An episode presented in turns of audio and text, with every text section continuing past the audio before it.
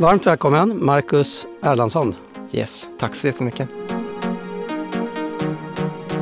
Välkommen till tionde avsnittet av SAS-podden där experter delar med sig av sina lärdomar och insikter från att bygga snabbväxande SAS-bolag.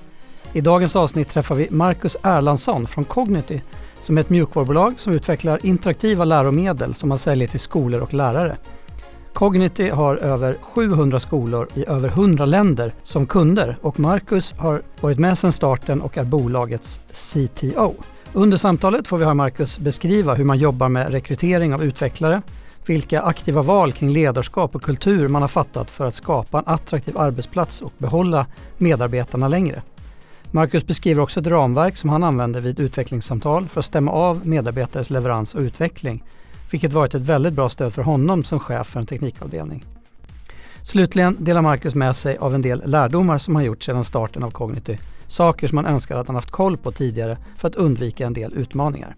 Jag är ju uppvuxen eh, nere i Småland, sen har jag rört mig successivt norrut egentligen eh, genom studier i Linköping och sen så upp till till, eh, till Stockholm och eh, Cognity, det började väl egentligen redan 2009 när jag eh, konsultade för lite småbolag fram och tillbaka och då kom jag i kontakt med eh, Nikolas och eh, Hugos eh, första bolag, Lanterna Education. Eh, för de behövde hjälp att slutföra sitt eh, bokningssystem. Att det är någon som skulle koda klart det. Det var 90% klart, klassiska 90% klart.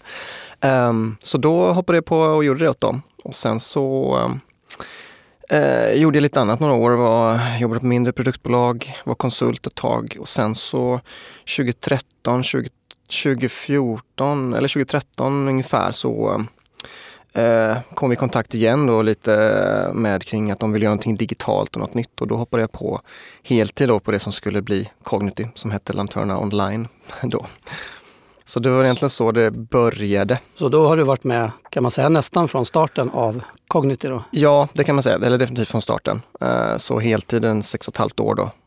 Just det. Och berätta då, vad är Cognity? Vad är er affärsidé och lite grann bolaget idag? Ja, eh, ja vår affärsidé grundar sig mycket i vår vision såklart. Att vi vill radikalt förbättra inlärningen runt om och den bygger ju på att vi ser ju att digitaliseringen har eh, den har ju haft väldigt stor inverkan på många eh, olika branscher men där utbildning är en av dem där det inte riktigt har tagit fart och framförallt inte inom skolorna. Eh, så våran produkt är väl egentligen en, en, en ja, interaktiva läromedel kan man säga som är kursplansanpassade som vi säljer till skolor. Så det är en, en form av business to business om man nu kan kalla skolor business men ja, en business to business modell. Så det är liksom våran vår affärsidé och eh, vi är runt 70 stycken anställda med bas i Stockholm men även en del som jobbar från andra ställen som säljare och, och eh, support och sånt som jobbar på både eh, i Asien och i Amerika eftersom vi har kunder i över hundra olika länder så är det bra att vara på plats i deras tidszoner och även kunna resa och träffa dem lite lättare än att åka från Stockholm hela tiden. Ungefär hur mycket omsätter ni nu då? På? Eh, så vi har mer än 100 kunder. Vi är i 100 olika länder. Eh, så kunder, eh, ja, runt 700 skolor kanske, något sånt. Eh, jag tror att vi omsätter runt eh, 60, mellan 60 och 70 eh, miljoner då, per år just nu. Då. Ehm, så det är ungefär, jag har inte exakta siffror. Men... Okej, men då var du ju en väldigt tidigt in då på bolaget och då tänker jag mig att då fanns det inte så mycket eh, tech-team. Jag tänker att våran, vårt samtal idag här ska ju handla om liksom hur man bygger upp och organiserar ett, ett tech-team i ett SaaS-bolag. Så kan du inte berätta lite grann hur, liksom, hur har den resan sett ut inom, inom ditt område? Och din, vilka har dina roller varit och lite så? Ja, de har varit väldigt många men, men också hållit sig ganska mycket inom, inom tech. Jag, jag tror att när man startar ett bolag eller när man hoppar in med ett bolag så jag tror många investerare också säger att det viktigaste är teamet. Liksom. Eh, och där känner jag verkligen att jag har haft eh, tur då som hittade det teamet jag hittade att jobba med, med liksom Nicolas och Hugo och Jens och även Sebastian som var där tidigt och lite andra personer. Ehm, så att, men, men från början, ja, vi brukar snacka om back in the days brukar vi säga på kontoret ibland. Men eh, då var det egentligen eh, bara jag och Jens som jobbade som ett som ett sidoprojekt liksom i det befintliga företaget, eh, utbildningsföretaget som gjorde andra utbildningsprodukter egentligen, alltså fysiska kurser och kurstillfällen. Så då var det ju väldigt eh, hack och mycket kvällar och, och nätter bitvis också. Jag tror vi hittade någon av de första commitsen, så här två, två en morgon, någon natt. Jag har suttit och kodat liksom och eh, vi hade någon deadline där i början. Eh, så då var det ju väldigt, eh, allt var ju väldigt enkelt, eh, men vi drog inte in några peng pengar alls liksom, utan det var ju verkligen försöka hitta hitta en affärsmodell egentligen. Och det handlade de första åren om.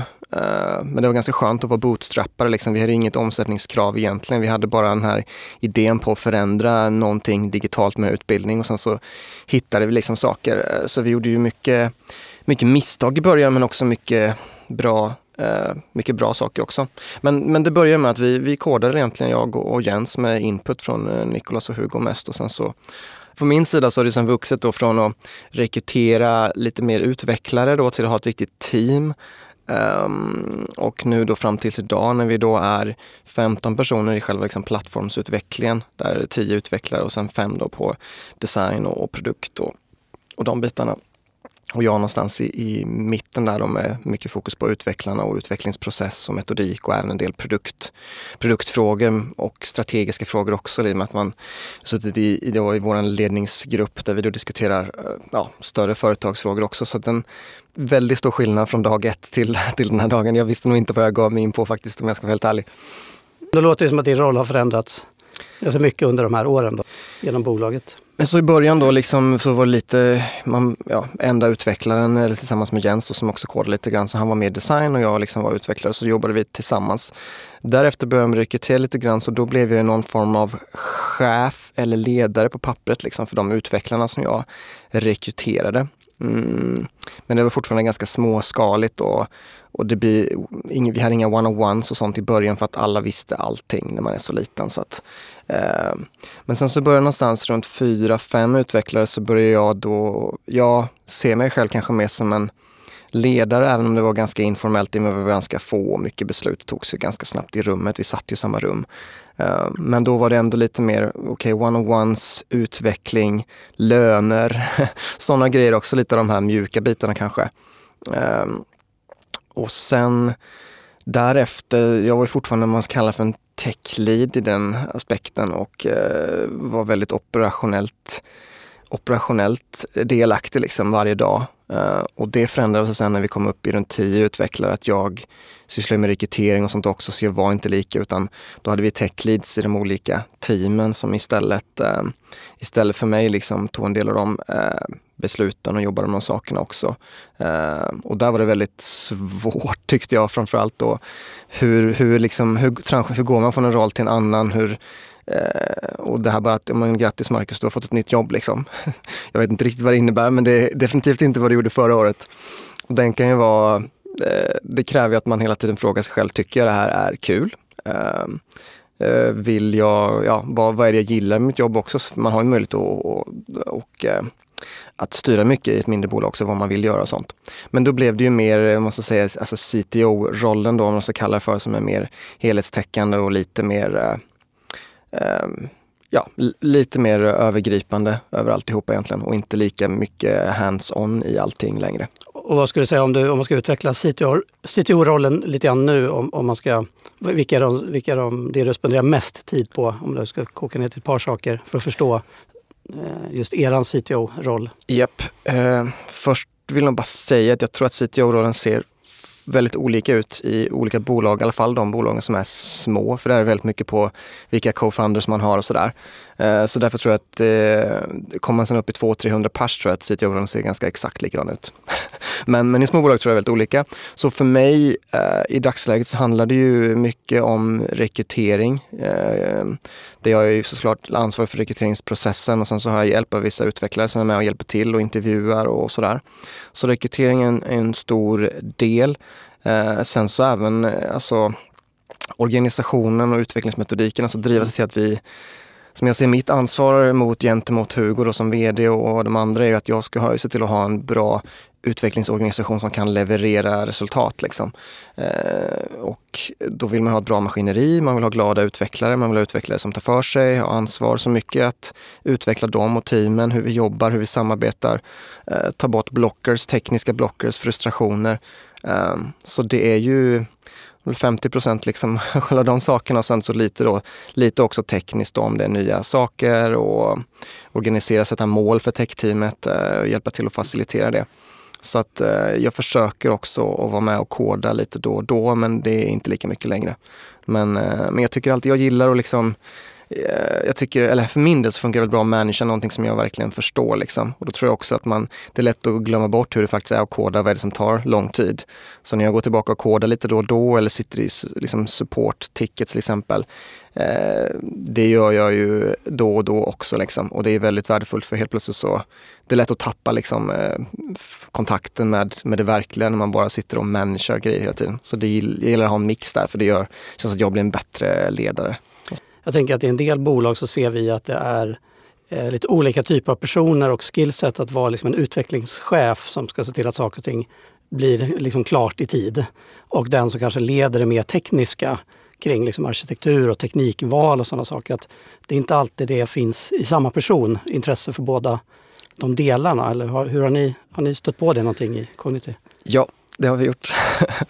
um, nej, jag, jag uh det är svårt i ett litet bolag för att du måste ju väga, du kanske inte har råd att ha en, en, en ren engineering manager och en mer tekniskt orienterad person. Um, och sen så karriärvägar också, hur man vill, liksom, hur man vill jobba med karriärvägar inom organisationen.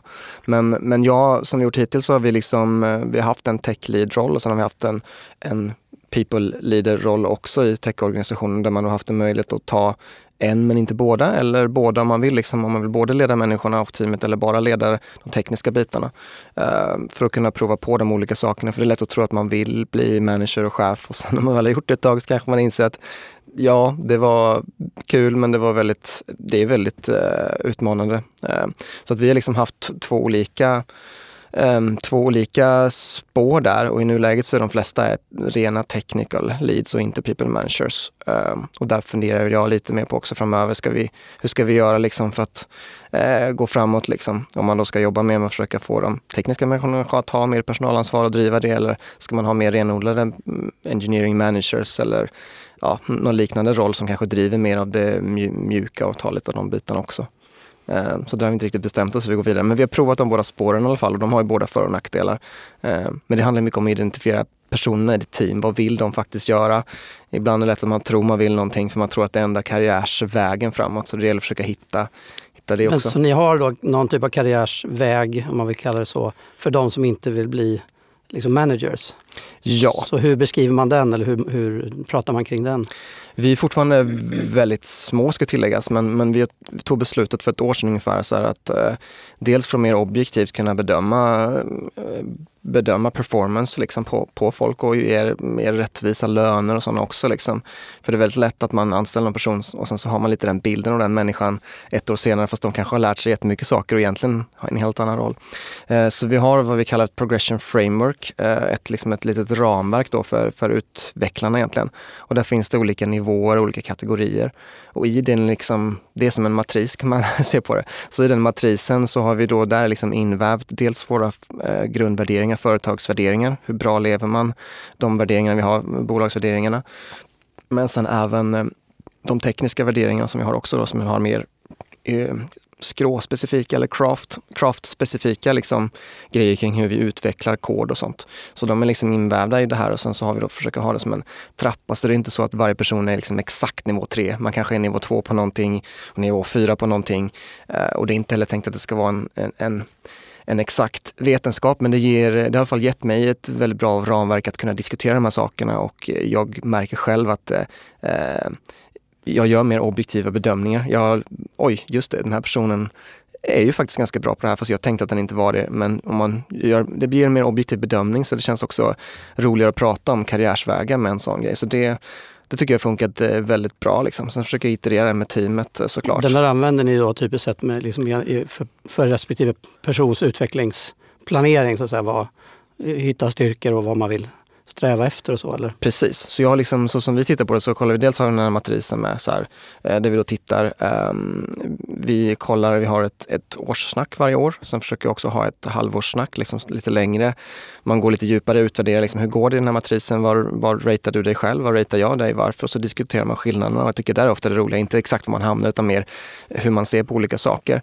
Um, så den använder vi då. Sen sätter, vi, sätter jag ner med varje utvecklare. Okej, okay, de här tre punkterna tycker du och jag att du bör jobba på. Då kommer du troligtvis progressa på den här biten.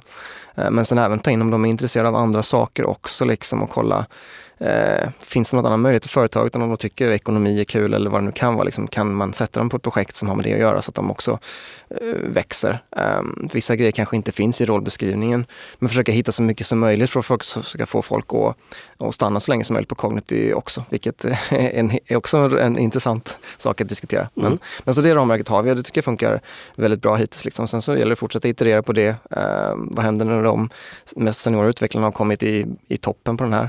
Vad gör vi då? Liksom? Finns det mer vägar? Eh, då gäller det att skapa dem eller hitta sätt att, att kunna låta alla utvecklas också.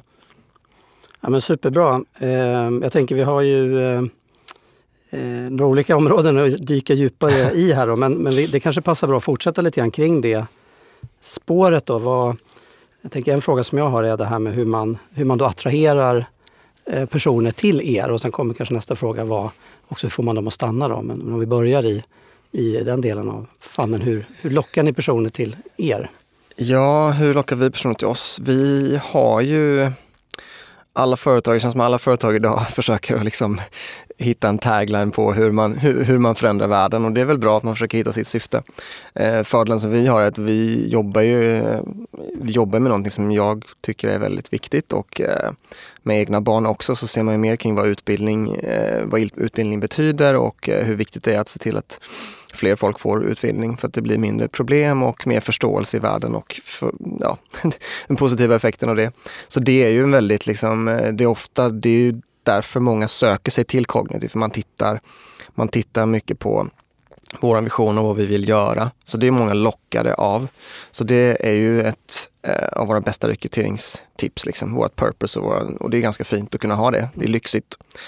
Eh, sen är det inte allting heller utan eh, Ehm, vi, jag tror människorna också, när man väl har träffat Cognity så ser man att jag har sagt det några gånger, om man har en bra bolagskultur, den, den är liksom är på, på gränsen att vara en sekt, men den är inte riktigt en sekt.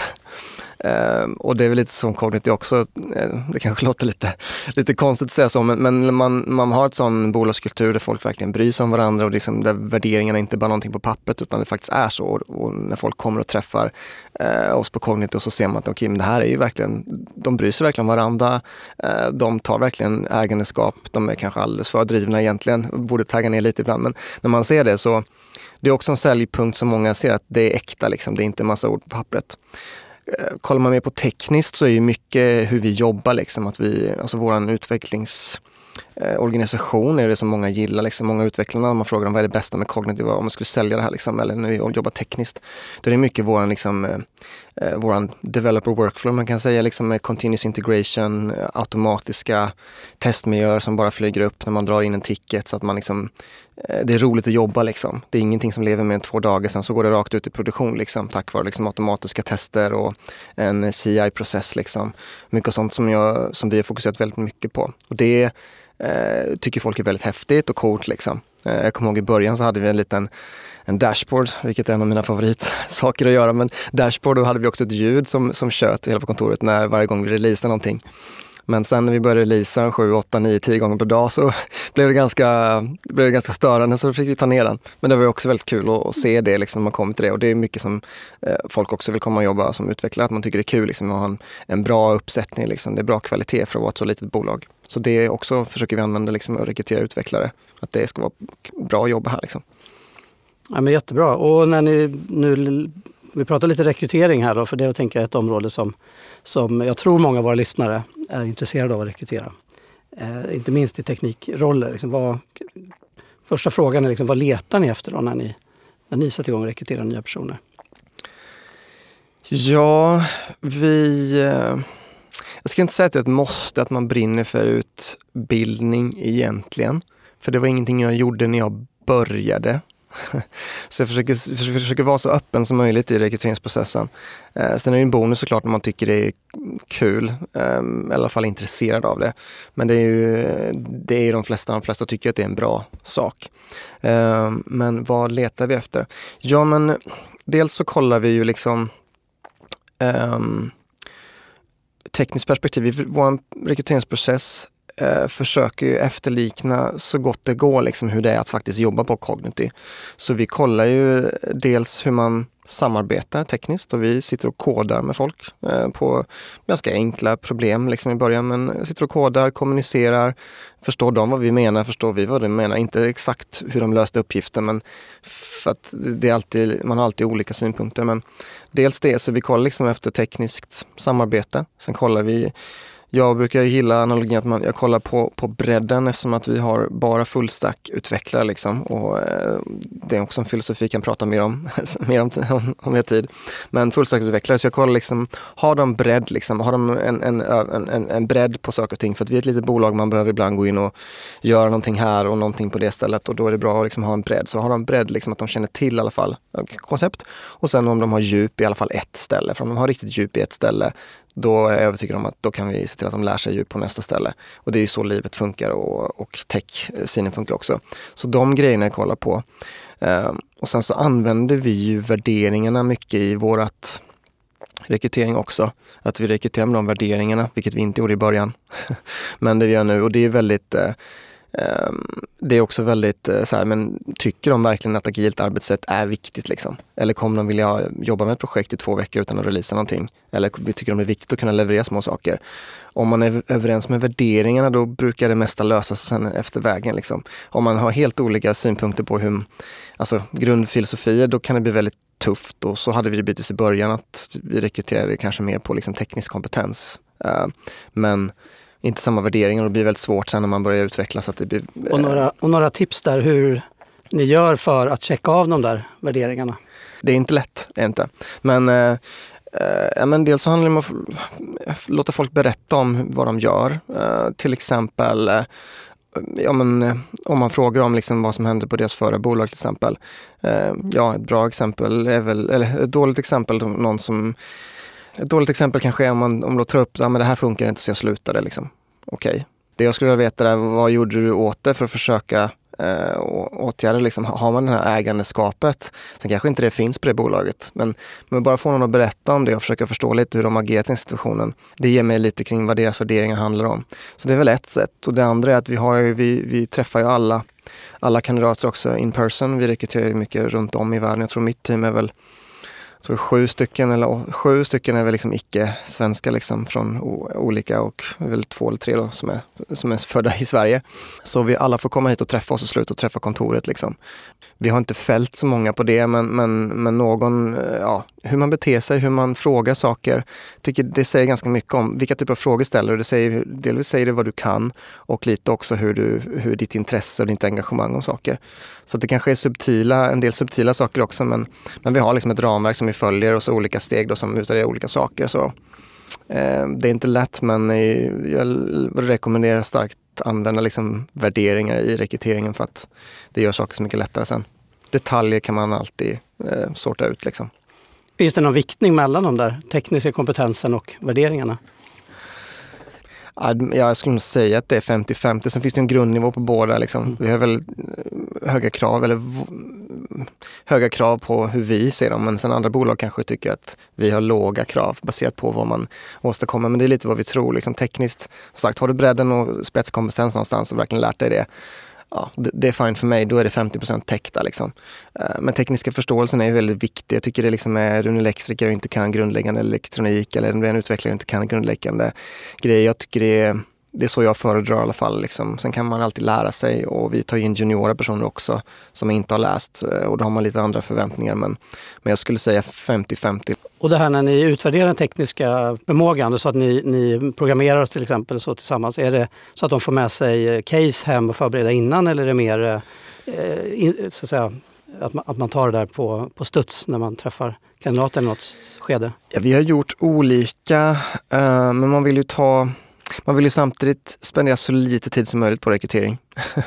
Eh, för att det tar ju tid och, framför, och man vill inte slösa med kandidaternas tid och inte sin egen. Men i, i dagsläget så kör vi faktiskt, och har kört ganska länge, så kör vi eh, oftast en videointervju där man kodar på ett, eh, två, vi har två uppgifter egentligen. En lättare uppgift som man börjar med, så då delar man sin, man tar vad man vill nu vill koda i, vilket programmeringsspråk, så delar man sin skärm bara. Och sen så kodar man i det, så det är ganska simpelt. Så då kör vi live live-kodning egentligen och det är väl mer som sagt, det är mer kring kommunikationen kring det, hur funkar det sådär. Sen om man löser uppgiften så, så är det ju bra såklart. Om man inte kommer någonstans så kanske det är ett tecken i sig, men ofta så kommer de flesta någonstans, det är mer hur man kommer dit. Så att vi kör liksom live, live-kodning och det är ofta så vi sitter också när vi diskuterar saker eller man gör code reviews så är det ofta koder man tittar på. Så jag tycker hittills är det bästa vi har funkat som liksom ger lagom, eh, vi, vi kan bedöma att det är ganska mycket utan att de spenderar inte fem timmar liksom på någonting och det är ganska svårt att få någon att spendera fem timmar på någonting. Eh, ja, det var min idag. nästa fråga egentligen om ni har stött på om man har för ambitiösa liksom, tekniska utvärderingar till vissa kandidater kanske tycker att de inte behöver visa sin tekniska förmåga för att de har ett så, så, så bra CV och så lång erfarenhet. Har ni stött på den? Jo, jo men det har vi ju stött på. Det, det, det håller jag ju med om. Samtidigt så måste man ju också förstå att det inte bara för våran skull vi testar utan det är för deras skull också. De lär känna oss i det här. Eh, så om man inte har den ödmjukheten så kanske man inte heller passar in hos oss. Liksom. För, någon som, för någon som är i Stockholm till exempel, i och med att Eh, det är ju lätt att hitta utvecklingsjobb. Liksom. Eh, och det, då, det drivs ju liksom, mm, det är ett sätt att en del behöver inte ens göra intervjuer kanske, eller man bara mm, hajar någon direkt liksom. Och sen har du Amazon och Google som kommer in och plöjer ner ganska mycket pengar här liksom. Och folk då får jobba som en, kanske som en liten kugge. Och så det är också en av våra selling points, vi är ju, man är ju verkligen, den ticketen du gör, den ser du liksom samma eftermiddag ute i produktion hos eh, hundratusen elever många bolag har också utmaningar att behålla medarbetarna. Så om vi går över på den delen av, av värdekedjan, vi ska kalla det, har du några tips om vad, vad kan man göra och tänka på för att få behålla personalen längre än snittet? Alltså ha one-on-ones med folk är viktigt. Att, liksom att ha en, en, en ärlig dialog om vad de, hur det går, vad de gör. Om det kommer upp frustrationer där man ser på någon att de, det, här, det här stör dem, liksom, eh, att faktiskt ta dem på allvar Eh, och diskutera dem för då finns det ofta ett sätt. Vissa saker kan vara väldigt små men de blir upplåsta och över längre tid och en frustration som växer så det liksom är, kan vara, ja, gå ganska långt. Så det, ta dem på allvar. Jag tror också att, eh, låter lite kontroversiellt kanske, men fråga lite vad är deras nästa, vad är deras nästa jobb liksom. Eh, för, och det tar mig tillbaka när jag var konsult innan också. Då hade vi liksom en trappa, där, en konsulttrappa och, pratade med mig liksom väldigt mycket bra eh, kollegor där jag jobbade innan. Sen på min, min femårsplan, liksom, hur såg den ut? Och, och min femårsplan var ju alltid, jag ville gå och starta något eget eller göra någonting eget. Liksom. Det var min plan och då hittade jag Hugo och Nicolas och sen blev det det. Så den här femårsplanen liksom blev ju så falsk för mig för jag såg mig inte där på fem år. Eh, det kanske hade funkat, kanske de hade kunnat hitta någon startup-möjlighet för mig eller göra någonting sånt inom det, genom, om de hade frågat mig eller om vi hade haft den. Eh, det var ju ganska länge sedan så jag var inte heller riktigt, jag tänkte inte så på det sättet utan det var mer så här, okej okay, men det här är nog inte, men just den dialogen så har med mina anställda, vad är ditt nästa jobb liksom? Okej. Okay. Mm, kan vi hitta någonting här som det kan driva det eller inte? Om inte så här.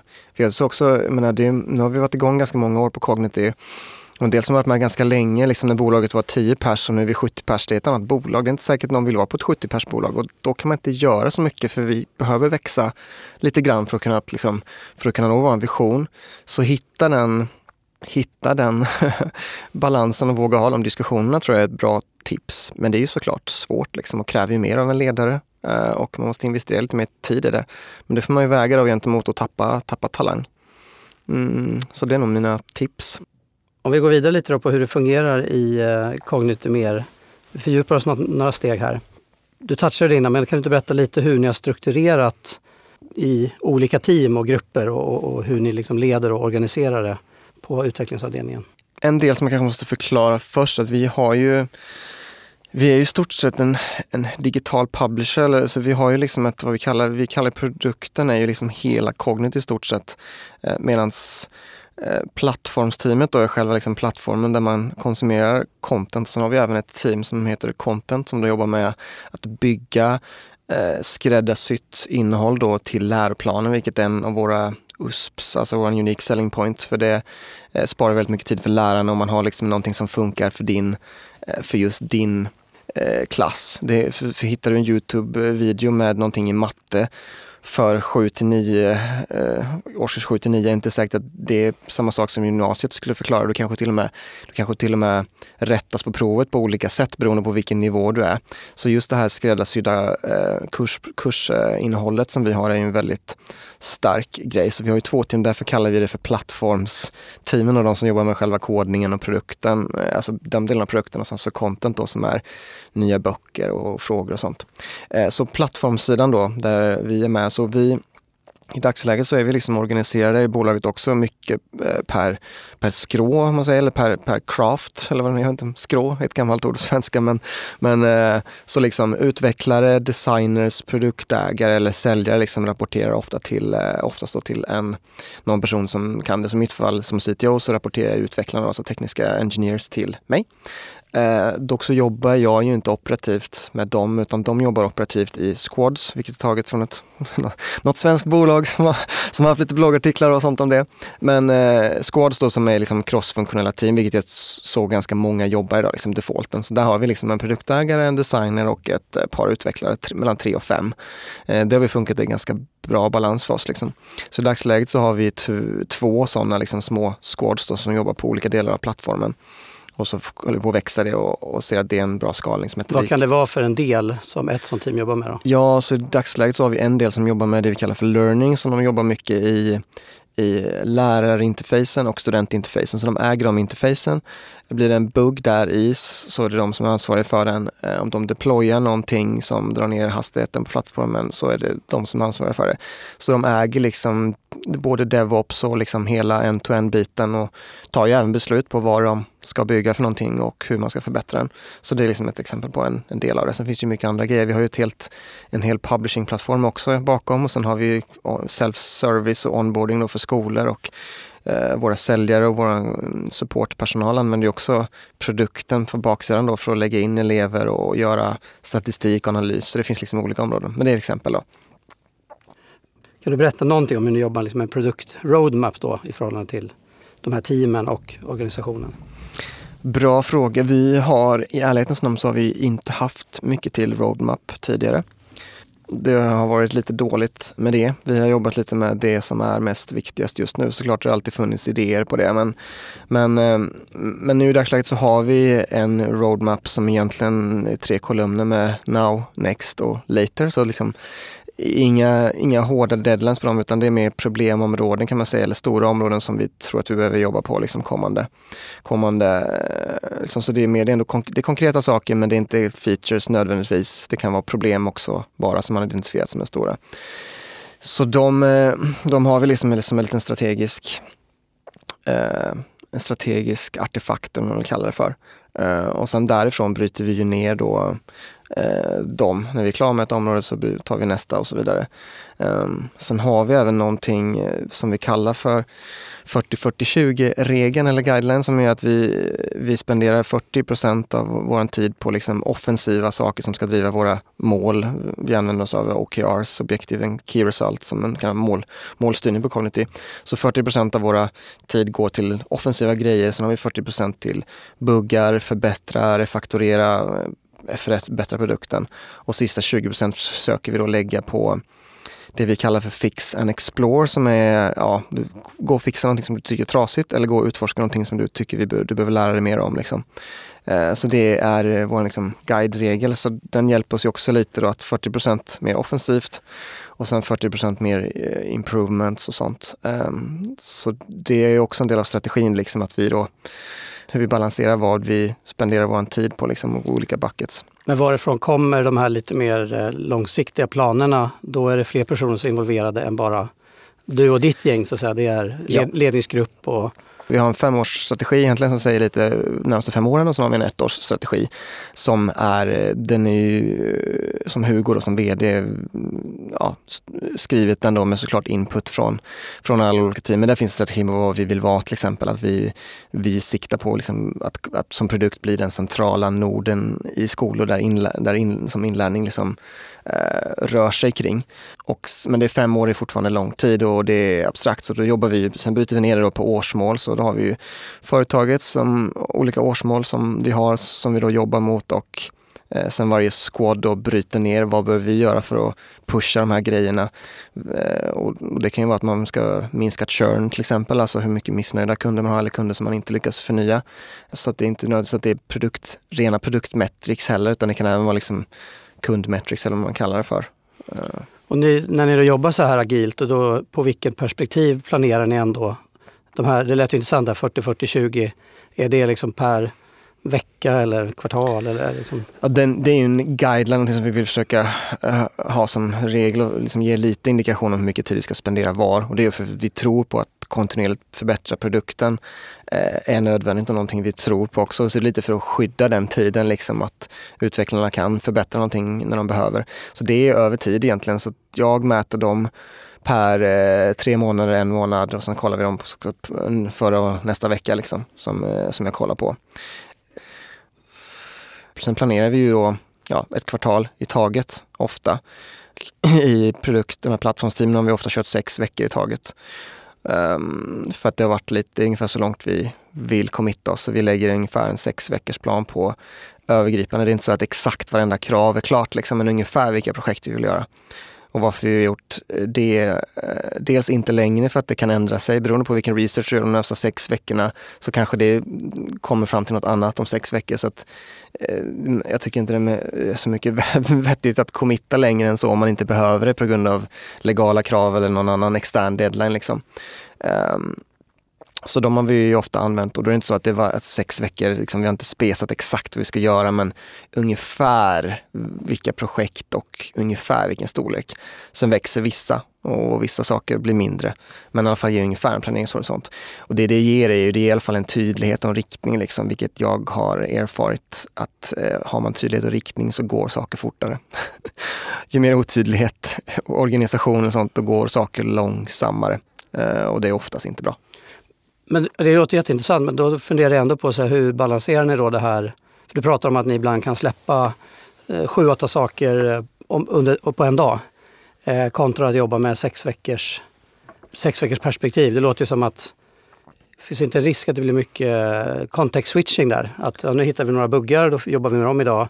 Oj, det här långsiktiga sex veckors målet eh, hann vi inte med liksom, att jobba med nu.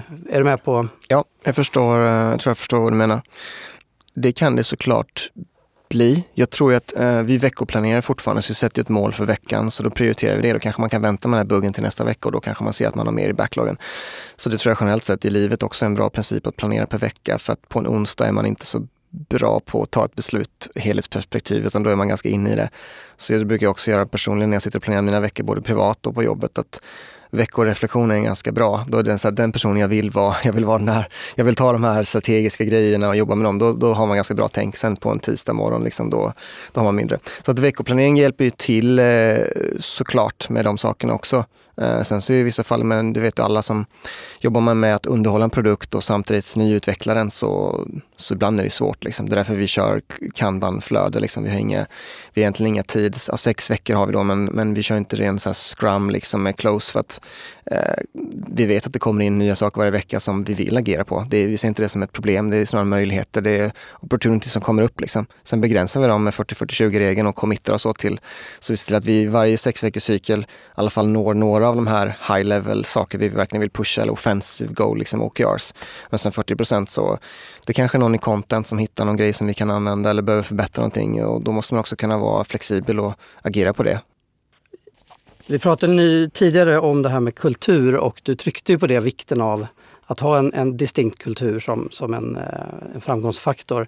Men kan du inte ge lite fler exempel på när ni i det, i det dagliga inne på Cognitive, vad, vad jobbar ni med för att, att liksom hantera kultur? Ja, alltså ur tekniskt perspektiv liksom i produktorganisationen så uh, har vi våra tech values och bara för, alltså värderingar. Bara för att ge lite exempel på det så har vi till exempel en som, som heter uh, We have a safety net, alltså ett säkerhetsnät. Uh, så den handlar ju mycket om Eh, den lever vi ju varje dag egentligen och det är någonting som också är en av våra selling points som vi utvecklar. Att, att vi har delvis en bra continuous integration process liksom, där vi har automatiska tester som catchar det mesta liksom, så att vi deployar inte till produktion eh, saker som går sönder eh, så ofta i alla fall. Det händer ju alltid men Ehm, så det har vi liksom, det är en del av att vi har ett säkerhetsnät. Liksom. Och sen då få utvecklarna eller alla i teamet då förstå varför det är viktigt att investera i det och det märker man ofta när man, jag var inne och kodade för två veckor sedan igen, gjorde lite grejer och lyckades breaka lite saker men eh, för det var så länge sedan jag glömde bort något liksom och gjorde lite klassiska misstag. Men då, eh, ja, då lyser det rött och så får man skämmas lite grann eller lära sig då, okej okay, det var så det var och också försöka bara så här, jag bara skrev på Slack liksom, shit vad bra, tack för säkerhetsnätet, nu går jag tillbaka och gör om liksom, och ingen, ingen, ingen kund har blivit påverkad. Liksom. Så det är de tekniska aspekterna, liksom, vi behöver safety net. Men det handlar ju också om, jag brukar säga det att det finns ju om någonting jag har lärt mig så är det att eh, när man försöker lösa problem med ett verktyg så eh, alltså ofta är problemen liksom i i människorna är ofta problemet om man får säga så. Men det är ofta, det är ofta inte ett, ett, ett eh, verktygsproblem eller ett tullproblem, Det är ofta problem i, kanske i kulturen som man behöver lösa. Så där tror jag också handlar, liksom det här säkerhetsnätet som vi jobbar med, det handlar mycket om att vi har code reviews som många har, men hur man använder de code reviewsen. Hur mycket tid tar man till att faktiskt förbättra någonting där? Eller är det bara en så här, ja, bara kolla igenom lite snabbt och sen köra vidare? Eller hur använder man det verktyget? Och även då manuell testing, liksom, så att går någonting fel till exempel så dels jag som utvecklare såklart har ett ansvar. Jag skäms ju om jag gör någonting fel, så är det ju. Det är som en som person liksom. Men, men det försöker jag också säga till teamet att okej, okay, nu har det hänt någonting fel. Ja, okej, okay, vi har lärt oss på det här. Eh, vi har en som code-reviewat, så ni är två personer som, det här borde ha kollats i code-review. Det här borde ha lärt sig i testing. Okej, okay, varför, varför, det här borde vi fångat i testing-steget liksom. Varför gjorde vi inte det? Ja, nej, men jag testade två tickets samtidigt en dag så det gick lite fort. Okej, varför testade du två tickets samtidigt? Ja, nej, men vi hade massa grejer på borden. Okej, varför hade vi massa grejer på borden? Ja, det var för att vi committade lite för mycket den här veckan. Okej, nästa vecka committar vi lite mindre och så förbättrar vi det här säkerhetsnätet då för att försöka minska det. Så ha den mentaliteten att folk vågar misslyckas mer och det händer oftast ingenting. Eh, allvarligt liksom. Eh, så är det en del av hur vi jobbar liksom med de eh, värderingarna i det dagliga, eh, dagliga arbetet. Sen har vi ju fler värderingar också. Eh, jag tror eh, den första vi har är We are enablers. Eh, och den jag inte ska säga det så jag inte får, får folk emot mig här men eh, eh, alltså jag tycker ju teknologi är otroligt roligt. Det var liksom det jag som högg in mig på kognitiv från början. Eh, sen har liksom utbildningsbiten har växt på mig så nu är det nog 50-50 på teknik eller kanske till och med ännu mer på, på liksom utbildningen och bolaget i sig. Men tekniken är ju det är otroligt kul. Liksom. Det är ju både en förbannelse och en välsignelse att, att kunna koda sina grejer själv och, och göra allt sånt.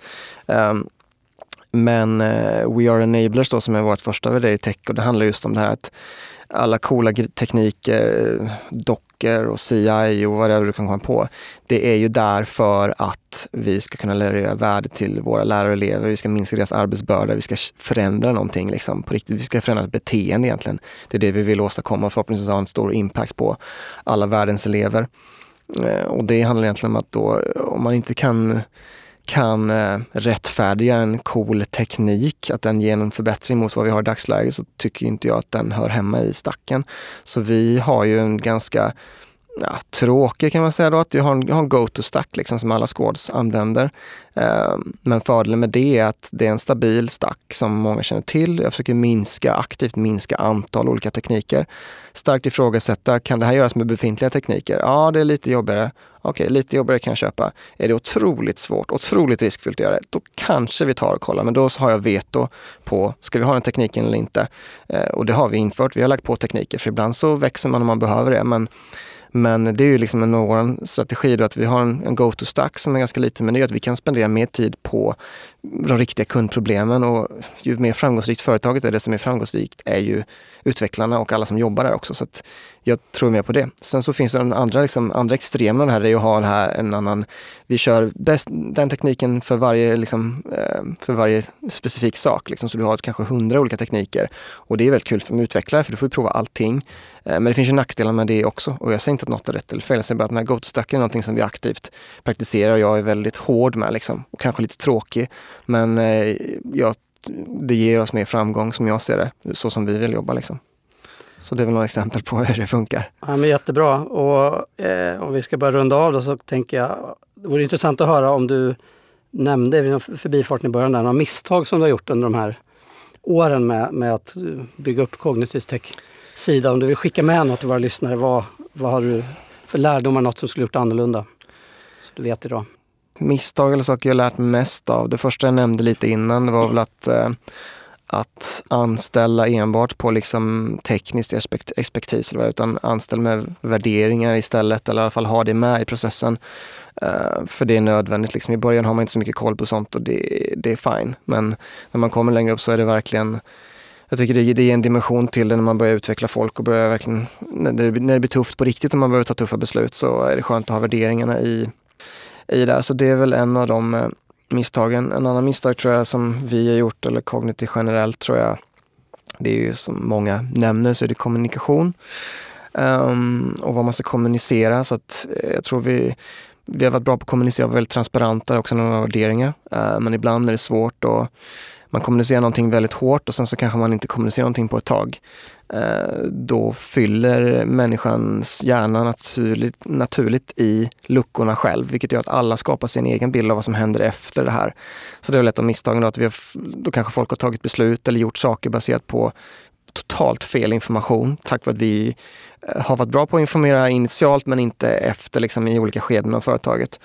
Och det är någonting jag personligen också liksom, har gjort, även små organisationsförändringar. Liksom, där har jag en taktik nu som är liksom, okej okay, den här informationen, Räcker det med att jag bara mejlar ut? Är det någonting som folk bara behöver ha i sin mejllåda och behöver ta fram det? Är det någonting som berör folk mer personligen som typiska organisationsförändringar eller om någon slutar kanske eller någon, sådana saker. Då har jag liksom one-on-ones, försöker köra liksom extremen med one-on-ones med alla.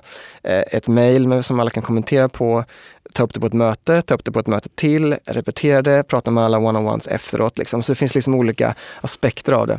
Men för vissa grejer så är det helt enkelt värt att göra den tiden. Vissa dagar för mig, som okay, den här dagen kommer bara gå till kommunikation och det är okej okay, eller det är inte okej. Okay. Det, det, är till och med det är så det ska vara. Jag ska gå runt och kommunicera idag. Och det är väldigt svårt när man kommer med en utvecklarbakgrund och, och liksom ska koda och releasa grejer och sen så. Eh, men, men, men, men, när man börjar se det, eller när jag börjar se det, så då, då funkar det mycket bättre om man lyckas eh, få med fler folk på tåget. Eh, folk känner sig hörda, folk är ju hörda eh, och man får ju även bra input också så man kan, liksom se till att slutresultatet blir, blir mycket bättre.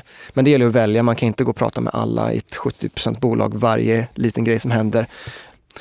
Så det är väl det. Sen tror jag också en av våra misstag som vi har gjort, intentions eller uppmaningar är alltid, som säger intentions eller det man vill åstadkomma är alltid bra men jag tror eh, lite med liksom ledarskaps hur man leder ett bolag också. Hur pass inkluderande ska man vara och vad är okej okay och vilka beslut och vem tar, vem tar vilka beslut till vilken. Så jag tror vi har varit lite för inkluderande bitvis liksom, för att vi vill inkludera folk helt enkelt och vi bryr oss mycket om varandra. Men det har varit, eh, bitvis har det varit lite skadligt, eh, även som misstag som jag har gjort också. Att, ja, ska man säga, om du är för inkluderade så, så är det väldigt, det är inte allas jobb att ta ett strategiskt beslut. Liksom. Alla kanske inte ens ska ha input på det. En del ska ha input på det, en del ska ha veto på det och vissa ska, kommer bara vara informerade om det och så kommer det behöva vara. Så hitta den balansen i vilka beslut som behöver, man behöver inkludera folk och, och, mm, och inte liksom. Så nackdelen med att inkludera för mycket och lämna för mycket öppet är att då hör man, eller har jag ofta hört, att eh, att det finns ingen riktning och det är för öppet. Och låser man ner för mycket så är det skittråkigt att jobba. Jag får inte bestämma någonting, liksom. det är redan satt alltihopa hitta den balansen som alltid är svårt. Eh, men, men hittar man den, och det tror jag också ska kännas lite obekvämt För gör det inte det, då vad gör du där liksom?